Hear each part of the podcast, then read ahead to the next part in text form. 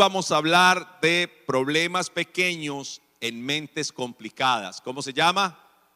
Problemas pequeños en mentes complicadas.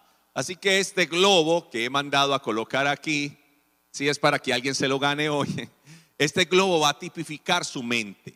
¿Qué va a tipificar? Su mente.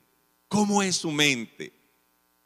Hace días eh, daba un testimonio eh, mi cuñada a través del grupo de, oración de las seis de la mañana y ella decía, hablando acerca de personas, ella trabaja en Colombia en un área que tiene que ver con la mediación de conflictos.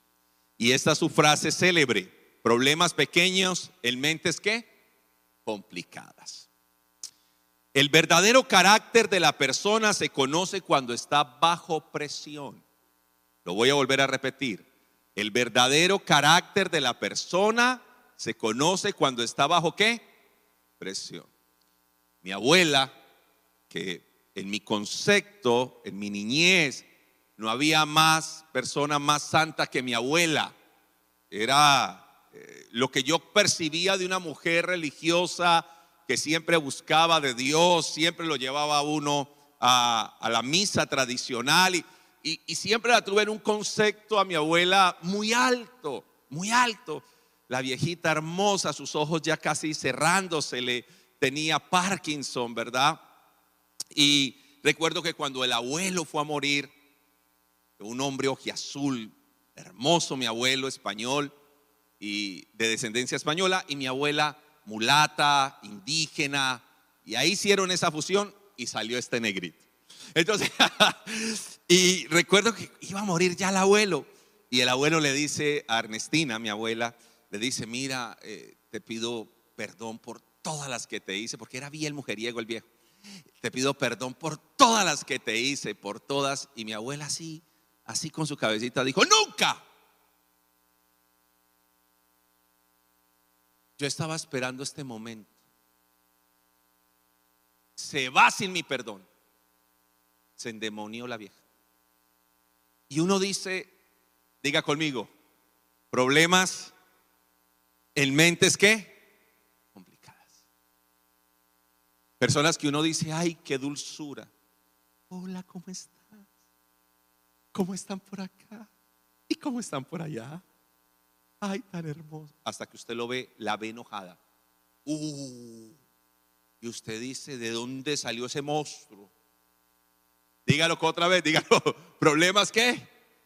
El mente es qué? Complica. ¿Ha visto usted personas con mente complicada? No, no conozco ni uno. Nos complicamos la vida, amado. La Biblia dice en el Salmo 26, 2, escudriñame, Señor, pruébame, dice el salmista, pruébame, examina mis íntimos pensamientos y mi corazón.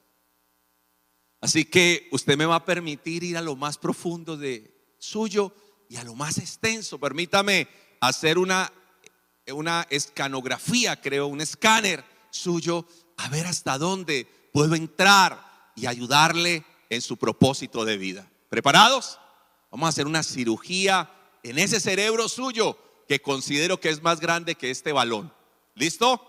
¿Preparados? Así que diga conmigo, escudriñame, oh Señor, pruébame, examina mis íntimos pensamientos y mi corazón.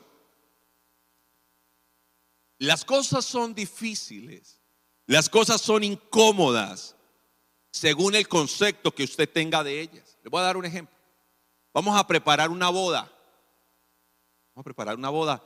Y para una persona eso puede ser lo más estresante, Dios mío, una boda, que los pajecitos, que, que el lugar donde va a ser la recepción, que el, el maestro de ceremonia, y se le vuelve su vida un caos. Pero para otra persona hacer una boda es un show. Dice, boda. Y va donde Nora a que le organicen ese rostro bien lindo. Y, y le dice a Daniela que haga un arco de bomba. Porque para algunos, algunas cosas son sencillas. Y para otros esas mismas cosas que son tan sencillas se les vuelve tan complicado. En Tito 1.15 dice, Tito 1.15 dice, mire, todas las cosas son buenas y son chéveres y son puras para quién? Para los puros, pero para los complicados, para los incrédulos, y llega a decir la Biblia, los corrompidos, para ellos todo está corrompido, todo está dañado. Eh, recuerdo haberme reunido en un día con dos familias diferentes. Una de ellas dijo, no vamos a traer hijos al mundo. ¿Qué tal? ¿Cómo está el mundo ahora? Qué horrible eso ya no es, ya no es, ya no es, ya no es ideología de género, sino ideología de, de género. No, no, no, no, no, eso, eso nunca vamos a, no, no, no, no, yo no voy a tener hijos. En cambio la otra pareja decía, ay, qué rico tener un hijo. ¿Verdad? Y eso tiene que ver, vuelve y repita lo que dice la Biblia, para los puros, para los puros todo es qué? puro.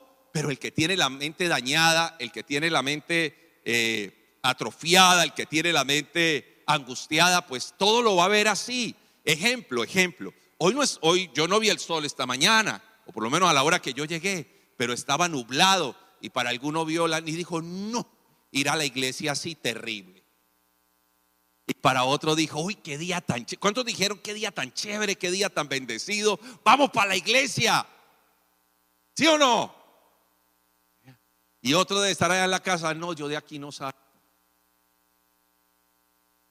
Ahora, esto de agrandar los problemas es un arte. Se conoce como descontrol emocional. Personas suelen agrandar el problema de una manera que yo me quedo asombrado. Y, esto es más complejo que usted simplemente decir, take it easy. Esto es más complejo que usted decir, ¿qué pasa? Esto, es más complejo. Usted decir, todo va a estar bien. Todo va a estar fine. Esto va más allá. Y lo vamos a descubrir en medio de una historia. Yo le voy a contar una historia bíblica y usted va a ver cómo la gente complica las cosas. Cualquier parecido con la realidad solo es coincidencia, ¿ok? Número 1333, 1333 de números. Usted va a ver cómo se pone en las cosas un poco complicadas. También vimos allí gigantes ¿Los hijos de quién? Raza de gigantes. Y éramos nosotros a nuestro parecer, subraya esa palabra, a nuestro parecer éramos como langostas y así les parecíamos a ellos. Y esto parece contradictorio porque primero dice era nuestro parecer y así les parecíamos. Entonces, uno de los problemas con el ser humano es lo que considera que así es. No es que eso vivir allá, eso es horrible. Eso, uy, no, no, no, no, no, no, no, no, no, no, no, no, esos cuatro estaciones horribles. Es a su parecer. Porque otros disfrutan de esos cambios de estaciones, cambian de ropa. ¿Cuántas mujeres acá les gusta cambiar de ropa? Amén, amén, amén. ¿Verdad? Es al parecer. Y dice la Biblia que eso tiene que ver con su parecer, la manera en que se percibe. Versículo números 14, 1 Dice el versículo 1, entonces la congregación gritó. ¿Y qué más? Y dio voces. Y el pueblo lloró aquella noche. Diga drama. Diga drama.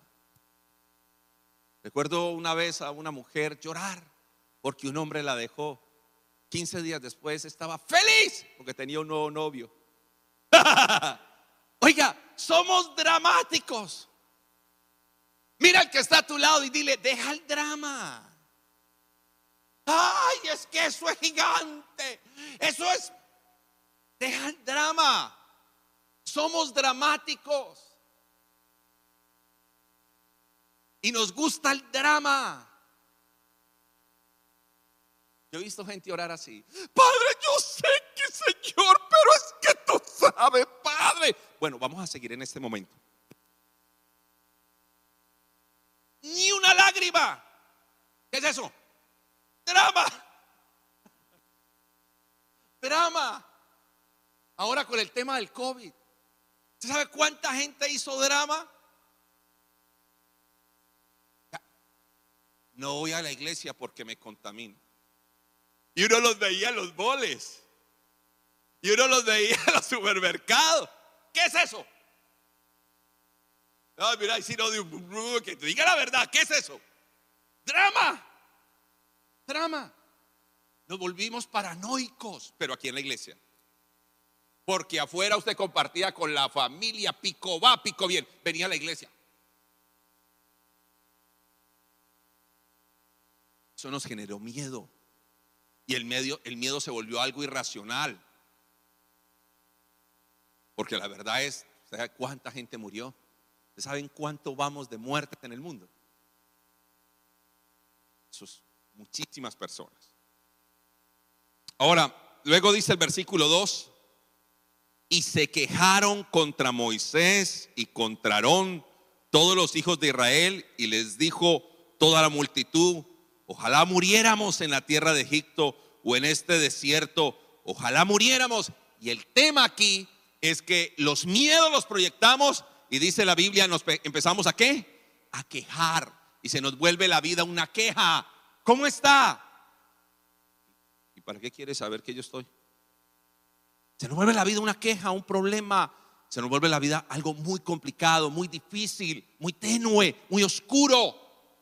Porque empieza la queja, la murmuración. Y todo esto basado en mentes complicadas. Ahora, versículo 3. Vamos a encontrar la raíz de esto. ¿Y por qué nos trae el Eterno a esta tierra para hacer caer a espada y que nuestras mujeres y nuestros niños sean por presa? ¿No nos sería mejor volvernos a Egipto? ¿Sabe qué tenían miedo? A lo nuevo. A eso le tenían miedo. No era los gigantes. No era no era lo que tendrían que enfrentar, era lo nuevo. Le tenían miedo a lo nuevo y por eso siempre extrañaban el qué? El pasado. Uno de los problemas en la mente es, a qué está acostumbrado, a qué está condicionado, qué fue lo que aprendió, cómo fue que le enseñaron. Recuerdo llegar a un lugar, presentar un proyecto y recuerdo estar allí y decirme, es que nosotros llevamos 10 años haciendo las cosas así.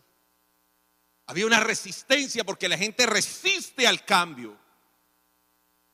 Pero si estás en este lugar, si estás en este camino de Dios, usted tiene que aprender que Dios hace las cosas nuevas. Toque al que está a su lado y dígale, Dios hace las cosas nuevas, pero un proyecto, un cambio de casa, un, nuevo auto, una nueva... Hay, vea, de verdad, hay que 30 años, ese hombre le pega, la maltrata, la abusa. ¿Por qué no cambia de pareja? porque le tiene miedo a lo nuevo. Quedarme sola, no, ni porque fuera la más de malas. ¿Le tiene miedo a qué? A lo nuevo. ¿Qué le tenía miedo a esta gente? A lo nuevo. a lo nuevo que Dios quería traer. Ahora mire cómo se alimenta el miedo. Versículo 4. Y decían el uno al otro, designemos un capitán y volvámonos a Egipto Pilas con quien te alimentas. Pilas con el que te dice, ay, sí. Yo les he contado esta historia, pero me gusta hacer referencia de esto porque de eso aprendí. Un hermano iba a comprar un apartamento y yo vi que había tanto problema para comprar ese apartamento que yo le dije que eso no era de Dios. Tanto problema, tanto obstáculo, que el banco si le presta, que no le presta, que sí tenía para, para la cuota inicial, creo que se llama el down payment. El down payment. No, espera, espera, espera. Y ahora les hablo más en inglés. Ahora, eh, y yo le dije que eso no era de Dios. Le dije, eso no es de Dios. Pero en la iglesia donde íbamos, donde el pastor había una profeta pastora. Y cuando nos vio llegar a mi amigo y a mí, le dijo, ¿quién te ha dicho que dudes del poder de Dios? ¿Quién fue el que te dijo? Porque él dijo, sí, yo voy a desistir eso. Eso no es de Dios. Tanto problema para... Hoy Dios te dará la victoria. Y él se puso a llorar y yo dije, tierra, trágame.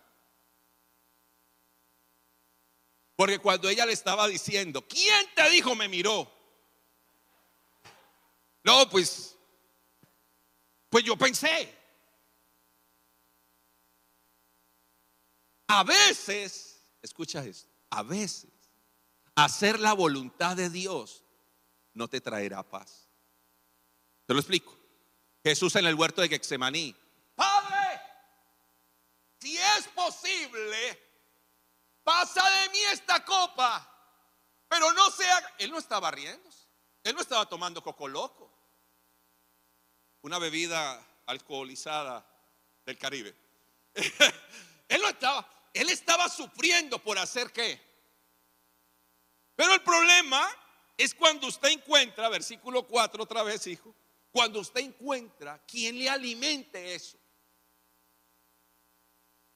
Cuando usted encuentra quien le copie su drama, quien le copie su miedo. Hasta empieza a soñar con eso. Versículo 5. Entonces Moisés y Aarón se postraron ante sus rostros delante de toda la multitud de la congregación de los hijos de Israel. ¿Sabe algo que yo aprendí? No te dé miedo humillarte ante Dios. A veces usted no va a saber qué hacer. Y cuando usted no sepa qué hacer, no se turbe. ¿Qué tiene que hacer? Papá, no sé qué hacer. Y yo necesito tu direccionamiento. No tiene que saber todo. Cuando no sepa qué va a hacer, ¿qué aprendí ahí? Humillarse, humillarse ante Dios. Muy bien. Versículo 7 eh, dice, y hablaron a toda la congregación de Israel diciendo, perdón, me adelanté. Versículo, versículo 6. Y Josué, hijo de Nun, y Caleb, hijo de Jefone, que eran de los que habían reconocido la tierra, rompieron qué? Rompa el ciclo. Vaya tal vez en contra de lo que la gente está diciendo. Es más, ¿cuántos abrieron empresa en pandemia? ¿Cuántos compraron casa en pandemia? ¿Cuántos salieron a trabajar y fueron promocionados en sus trabajos en pandemia? Rompa el ciclo. Revuelca el que está a su lado y dígale, rompa el ciclo. Puede romper el ciclo. No puede, no tiene que seguir igual. Ellos rompieron en señal de indignación, pero lo que está diciendo es, voy a romper este ciclo. Todo ese drama que hay se acabó. Señores, gigantes, nos vamos a morir. Somos langostinas, perdón, langostas. Vamos a morir. Y langosta quiere decir que eran qué? Grillos. Un grillito ahí. Y estos hombres empiezan a hablar diferente. Así que mira el que está a su lado y dígale, habla diferente. Dígale, dígale, habla diferente. Habla diferente. Un hombre tenía una vaca flaca y decía, ven esta vaca flaca, garruda. Cuando vino otro y empezó a venderla y dijo, una vaca que acaba de parir, esta vaca usted no sabe cuántos hijos da, esto, esto da hijos por año, una cosa impresionante. Y el que estaba a su lado dijo, ¿en serio? Le compro la vaca, imagine, él era el dueño y la estaba comprando. ¿Qué tiene que ver esto? Con la manera en que usted vende su vida. ¿Por qué todo llega a usted diminuto? Porque usted ora así. Padre, quiere una casita. Padre, quiere un esposito y se lo dio chiquitico. Padre, quiero todo diminuto. todo diminuto. La manera en que usted se vende, la manera en que usted se muestra, la manera en que usted se proyecta. Quiere un trabajito.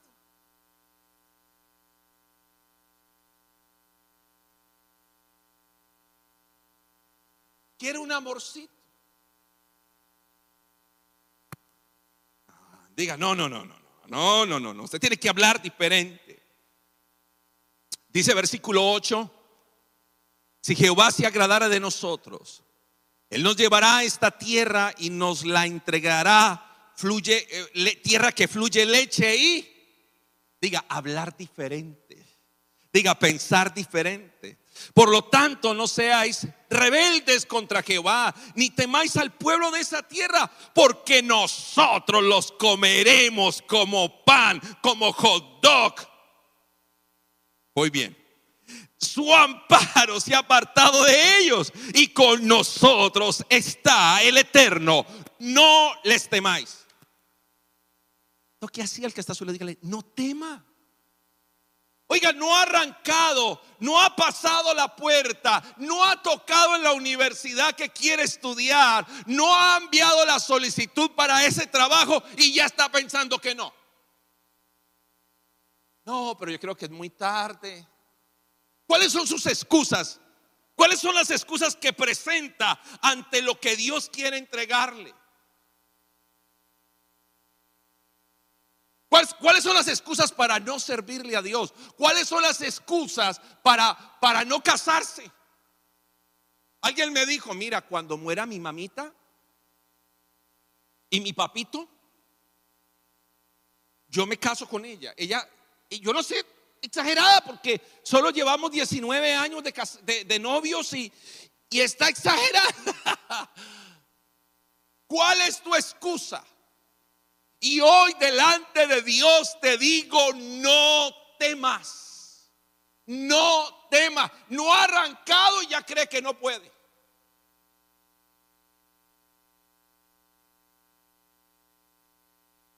Más bien diga, tengo miedo. A lo bien, usted puede decir eso. Usted puede decir, tengo miedo. ¿Se puede decir o no? Tengo miedo. Dígale, estoy nervioso. Puede decirlo, pero no, no tema. ¿Qué tal? ¿Cuántos dicen amén a eso, verdad? No tema. Y entonces, versículo 10, toda la multitud los abrazó, toda la multitud los, los besó. Coloca el versículo 10, es hermoso, porque toda la multitud empezaron a aplaudirlos. Toda la multitud estaba feliz con lo que ellos estaban diciendo. ¿Qué querían hacer? A punta de piedra, imagínate. Imagínate cómo es la gente en su pensamiento, que alguien les habla diferente, que alguien que alguien le expresa algo diferente y lo ve como una amenaza. Mira, escúchame, yo no soy tu amenaza. Pero hay personas que ven a los otros como una amenaza. Le querían bolear piedra. Querían uh, la, la, Lapidarlos, gracias Juanito. Lapidarlos, quería. Eso le pasa a la gente que piensa diferente. Le tiran piedras, le tiran palabras. Usted no puede pensar diferente porque aquí todos pensamos igual. Pero la Biblia nos llama a ser diferentes. Y esto es lo hermoso. Mientras muchos te tiran piedras, Dios te tira gloria. ¿Qué dice la palabra?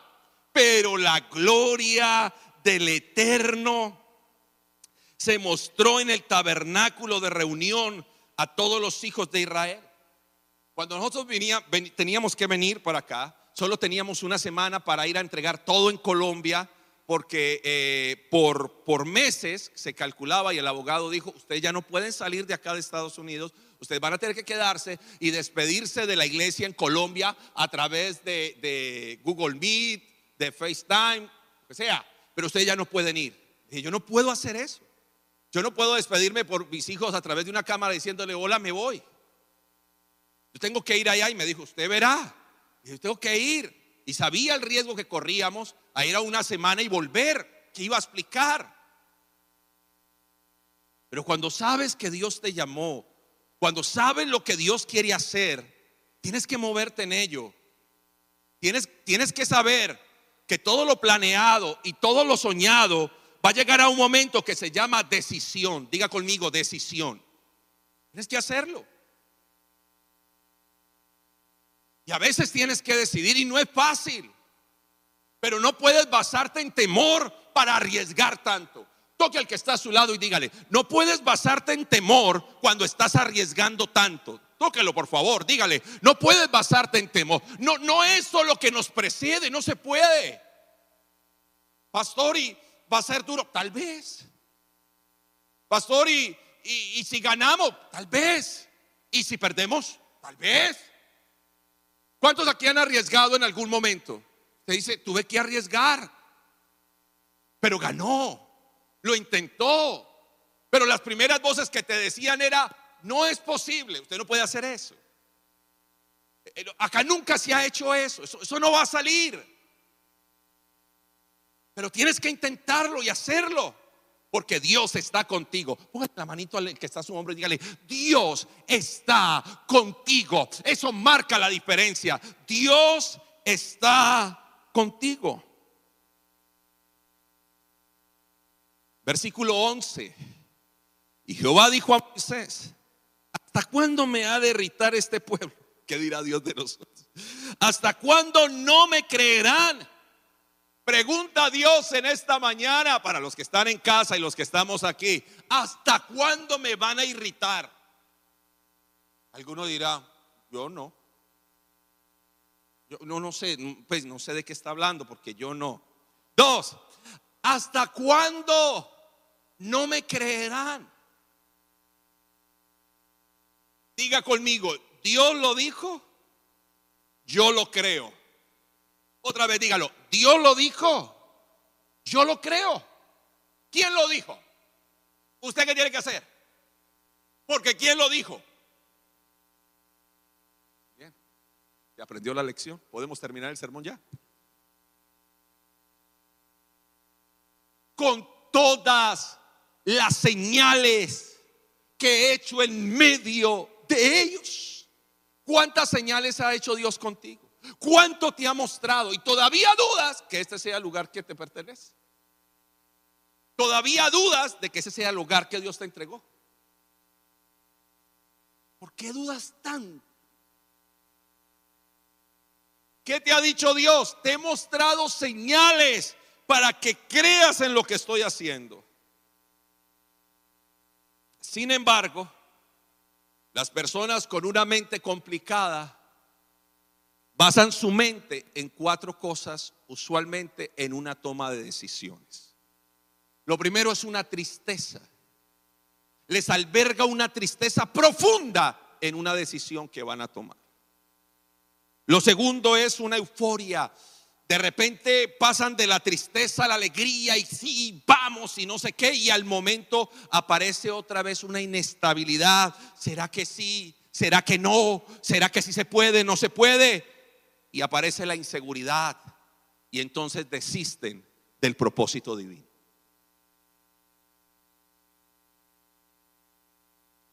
Ahora, he separado esto en en cuatro, he separado esto en cuatro mentes, en cuatro maneras de pensar. Y en los próximos 15 minutos la vamos a desarrollar. Y en algunas cosas usted se va a parecer. Por favor, no piense, uy, ahí me la está tirando a mí. No. Aplícatelo, Pacho. ¿Cómo es? Dígalo conmigo, aplícatelo, Pacho. Es decir, aplíquese lo que Dios le está hablando. La primera es la mente torturada. Todos los sucesos los ven como un castigo. Suele darse mucho palo por las circunstancias que no puede controlar. En este estado la fe es anulada y está basado en la fijación por error cometido. El Salmo 69, 19, léalo conmigo, es la manera en que una mente torturada opera. Porque esta mente torturada considera que Dios puede hacer poco ante semejante problema que tiene, tiene una fijación a lo negativo y posee un esquema de juicio y crítica y supone el fracaso y el desacierto de lo que no ha sucedido. Y la mente torturada entonces ora así. Tú sabes mi afrenta tú sabes mi confusión y tú sabes mi oprobio, delante de ti están todos mis. ¿Cómo es esa mente? Una mente que se tortura, una mente que se daña, una mente que se culpa, una mente que no hace porque tiene la certeza de que va a fracasar. Son aquellas personas que vienen a pedir oración pero en su corazón no creen. Vienen a pedir oración y piden oración por todo lado, no porque quieran crear una red de unción y movimiento profético y cosas tremendas, sino que le pide oración y le pide oración y le pide oración porque duda.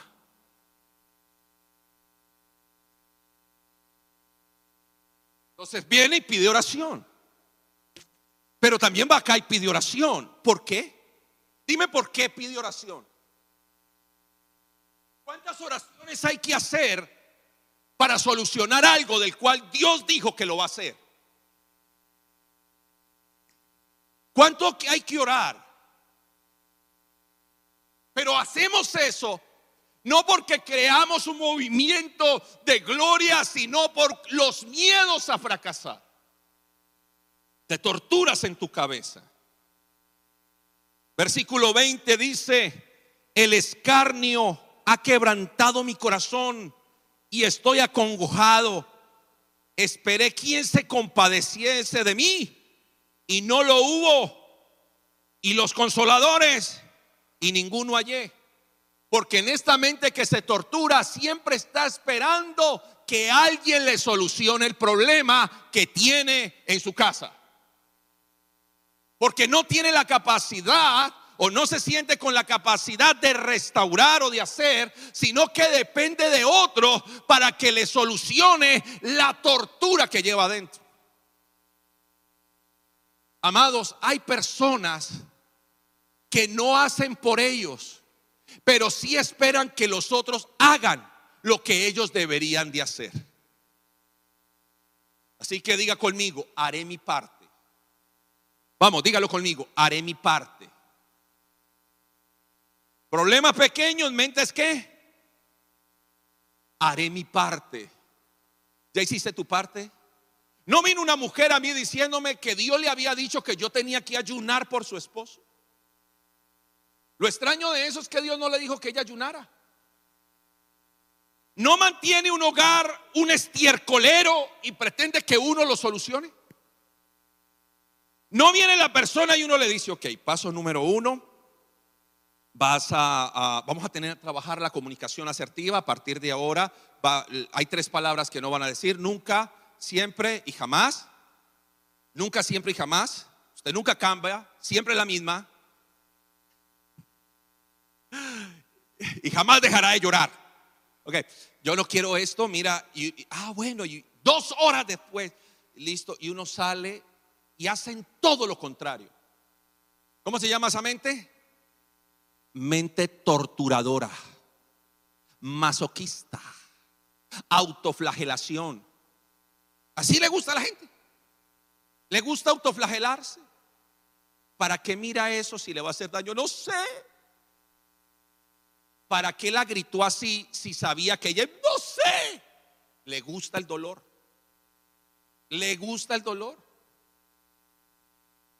Gracias a Dios aquí no hay esos. Esos son otra iglesia que uno... Número dos, la mente hipersensible. Número dos, la mente qué? Hipersensible. Predice el rechazo, nadie me quiere. Nadie me quiere. Número dos, baja autoestima. Pobre de mí, me da lástima mirarme a un espejo. Soy un moco pegado a la pared. ¿Baja qué? Autoestima. Hermano, le voy a decir algo. Si usted no se quiere, ¿cómo pretende que la gente lo quiera? Si usted no se valora, otro le va a dar el valor que quiera. Valórese. Y entonces yo qué hago? Pues algo, por lo menos algo diferente a lo que viene haciendo. Desmerecimiento crónico. ¿Cómo estás de hermosa? Ay, no, ¿cómo estoy de gorda? Desmerecimiento. Dios está trayendo bendición. ¿Quién sabe para quién? ¿Cómo estoy? Hermosa. Ah, yo sabía que usted me iba a decir eso. Tenaz. Porque no crees que haya gracia. No hay cristianos mal, feos, sino mal arreglados. Y tiene una fijación a los hechos ocurridos. Vamos a mirarlo en la palabra Jeremías 15, 18. Escuche pues. ¿Por qué fue perpetuo mi dolor y mi herida desahuciada no admitió curación? ¿Cómo fue el dolor? ¿Cómo fue el dolor? ¿Y qué pasó con la herida? ¿Cómo consideraba esta persona que el obrar de Dios era como cosa que, como aguas que no son qué. ¿Cómo veía Dios a esta persona? Venga, le hago una pregunta. ¿Por qué, sigue hablando así? ¿Por qué hace la misma referencia hacia el pasado de esa manera tan dolorosa? ¿Por qué vuelve a traer los hechos ocurridos? Yo quiero que hable de eso, pero en paz, hable de eso en bendición.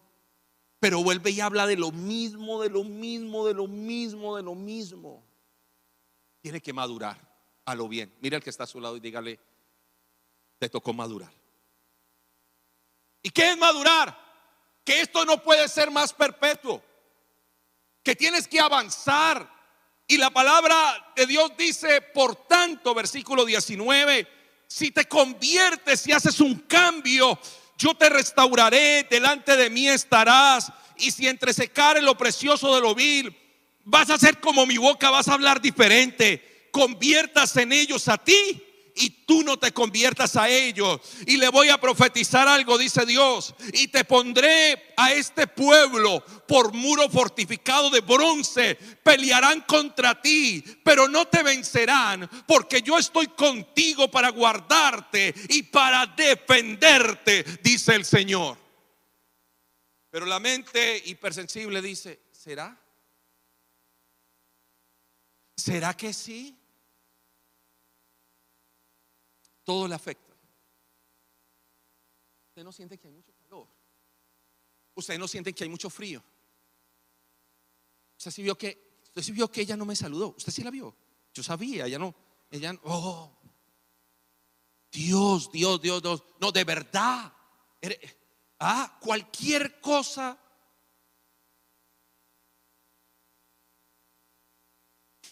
Es que ustedes no saben cómo fue mi niñez. Yo no sé, pero tienes que madurar. Cuando tú eras niño, tus padres eran los responsables de tu vida. Cuando fuiste adolescente, tú y tus padres eran copartícipes de responsabilidad. Pero cuando usted creció, cuando usted ya se hizo hombre y se hizo mujer, ya no puede seguir en el pasado de sus padres para esconder su mediocridad.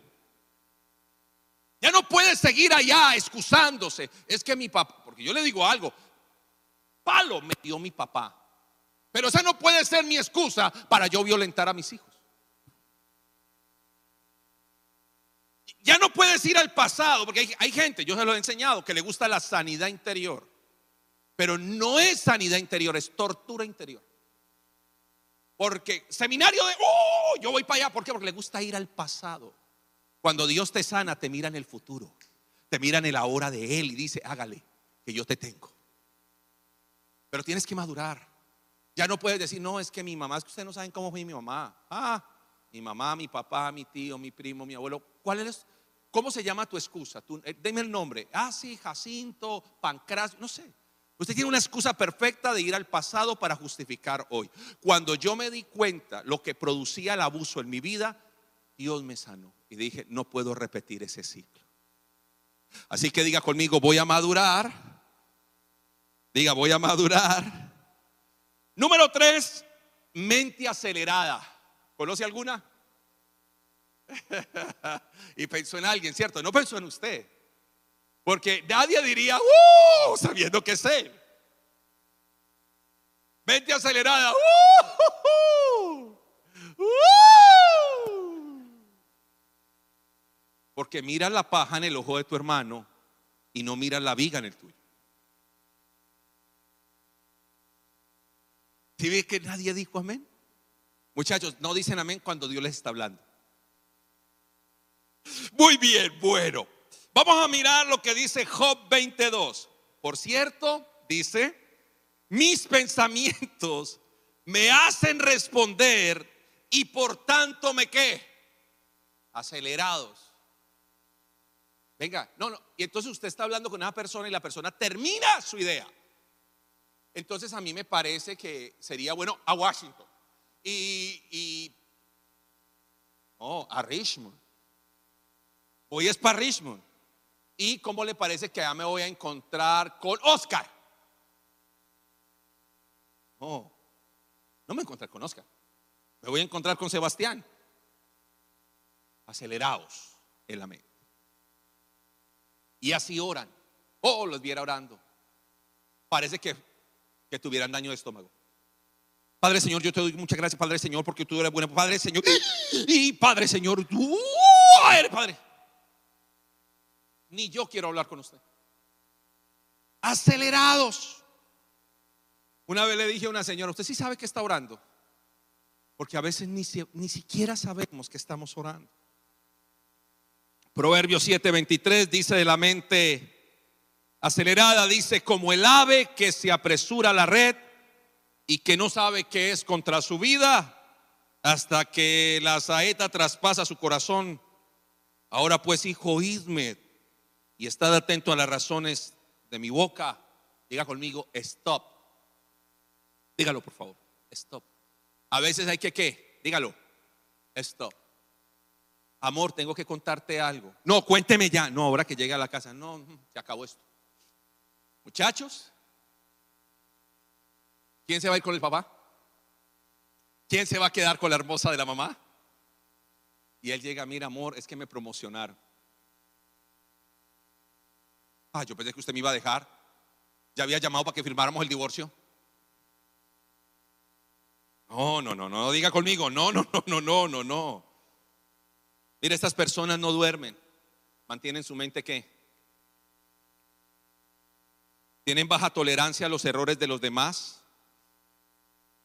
Una tendencia a analizarlo todo. Y no le dan importancia a las relaciones humanas. Número tres y terminamos. La mente estresada. Uy, cómo guardan mente estresada. ¿Conocen a alguien con mente estresada? Ya les habló Dios. Si ves que ya no, ¡Uh! no, no, no, no, porque la mente está estresada. Y estas son las singularidades de la mente estresada. Sobrecarga, mantienen recalentados, mantienen como ese celular en el carro, recalentado. Número dos, miedos irracionales, le tienen miedo a todo. Ay, ese avión que pasó, ay, ¿será que van a volver a tentar contra? Ay, no, no, no, ay, Dios mío, ayúdanos, uy, sangre de Cristo, uy, protégenos, Señor, protege. Detonantes emocionales. Ejemplo, se cayó esto, se esto. Y de eso arman un cualquier cosa que usted le vaya a contar. ¿Pero qué? Diga pues, a ver, ¿qué pasó? Ah, es más, a uno le da miedo despertarlo. Porque no se despierta diciendo buenos días. Te dice, amor. ¡Ah! ¿Qué pasó? ¿Qué murió? Ay. ¿Cómo está esa mente? Una mente estresada y empiezan a aparecer los trastornos físicos, seborreas, colon inflamado, irritado, pancreatitis. Los huesos le duelen, esos huesos ya no aguantan más. salmista dijo, mientras me quedé callado, envejecieron mi hueso, hay que ponerlo a hablar. De verdad, la gente, usted le duelen los huesos, hable con alguien. Créalo. A veces usted necesita perdonar a alguien. Hay personas que se levantan y uno no sabe si se levantó o se, se va a acostar. Porque apenas levantado. No lo hace uno antes de acostarse, que uno dice, uy, qué cansancio tan tremendo, de verdad. Se supone que cuando usted se acuesta, usted descansa. Pero ya no quedan dientes. quedan los abismos de unos dientes. Bruxismo. Se los comió. Toda la noche rumiendo toda la noche. Si ve que Dios sí habla. Muchos empezaron así, es que. Y ahora están.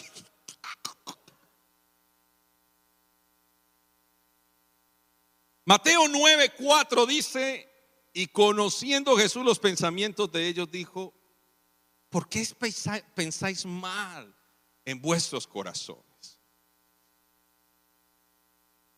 Amados, ¿qué hacemos con esta mente? Necesitamos renovar, necesitamos ser transformados. Romanos 8:5, cerramos la predicación. En la nueva versión internacional, a los que les gusta la nueva versión internacional, y los que viven conforme a la naturaleza pecaminosa, ¿qué hacen? Fijan, ¿qué hacen? Fijan, ajá, la mente en los deseos de tal naturaleza. En cambio, diga, en cambio, los que viven conforme al Espíritu fijan la mente en los deseos del Espíritu. Versículo 6 dice, la mentalidad pecaminosa es que muerte, pero mientras la mentalidad que proviene del Espíritu es vida y es que la mentalidad pecaminosa es enemiga de quién? De Dios, versículo 7, pues no se somete a la palabra ni es capaz de hacerlo. Los que viven según la naturaleza pecaminosa no pueden agradar a Dios. Esta clase de mente tenemos que hacerle algo a esto. Se acabó.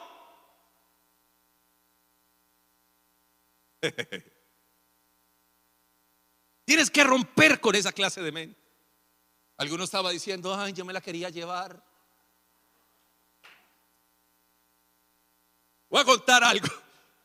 No, ya no sé si contáselo. Pero hay gente que deja sus problemas allá afuera y entra. Y cuando sale, se lo lleva otra vez. Cierro.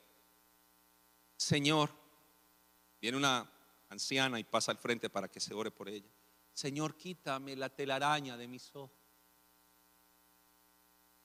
Segundo día, el pastor había ya orado por ella. Y ella vuelve y pasa. Señor, quítame la telaraña de mis ojos. Tercer día que viene la señora, ya le caía mal al pastor. Señor, quítame la telaraña de mis ojos. Cuarta vez ya no aguantó el pastor que pesar. Dijo, Señor, quítasela y mata esa araña.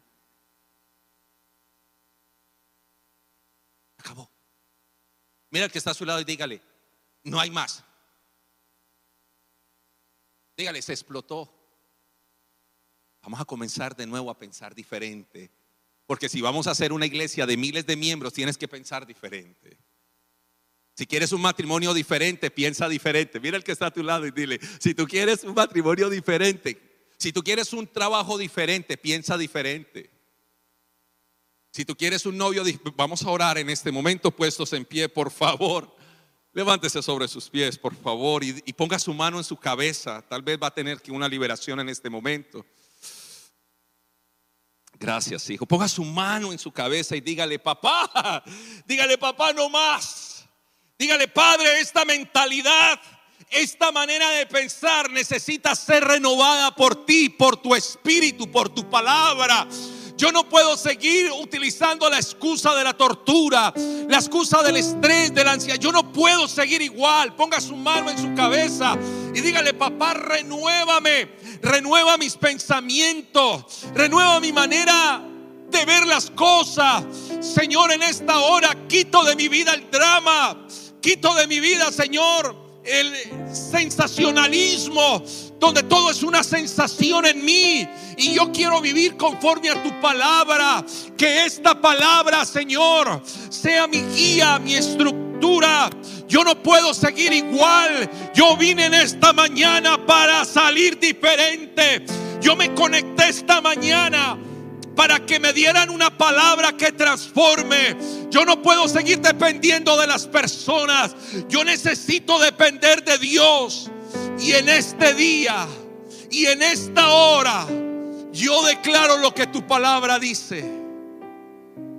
De modo, dígalo conmigo, de modo que si alguno está en Cristo, nueva criatura es. Las cosas viejas pasaron, todas son hechas nuevas. Vamos, diga, todo es hecho nuevo. Vamos, dígalo, todo es hecho nuevo. Vamos, declárelo, todo es hecho nuevo. Dígale, papá, gracias.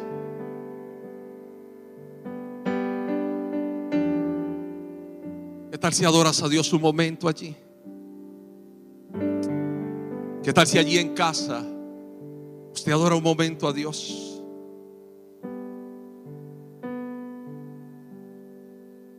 Dile Jesús, tú eres mi centro, tú eres mi vida, tú eres mi todo. Y si esta palabra fue para ti, los que están en casa y los que están aquí, deberías de levantar tu mano y decirle, Señor, hay algo que se está produciendo en mí. Y es un cambio en mi manera de pensar.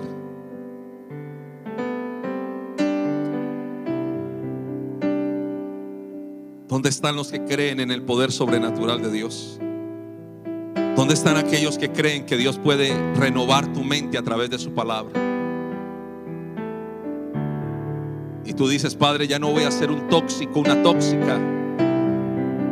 Seré una persona que piensa diferente porque tú eres diferente. Gracias Jesús. Dale gracias a Jesús. Dale gracias, dale gracias un momento. Dale gracias. Padre, bendecimos a los que están allí en casa. Y declaramos que el Señor renueva su mente.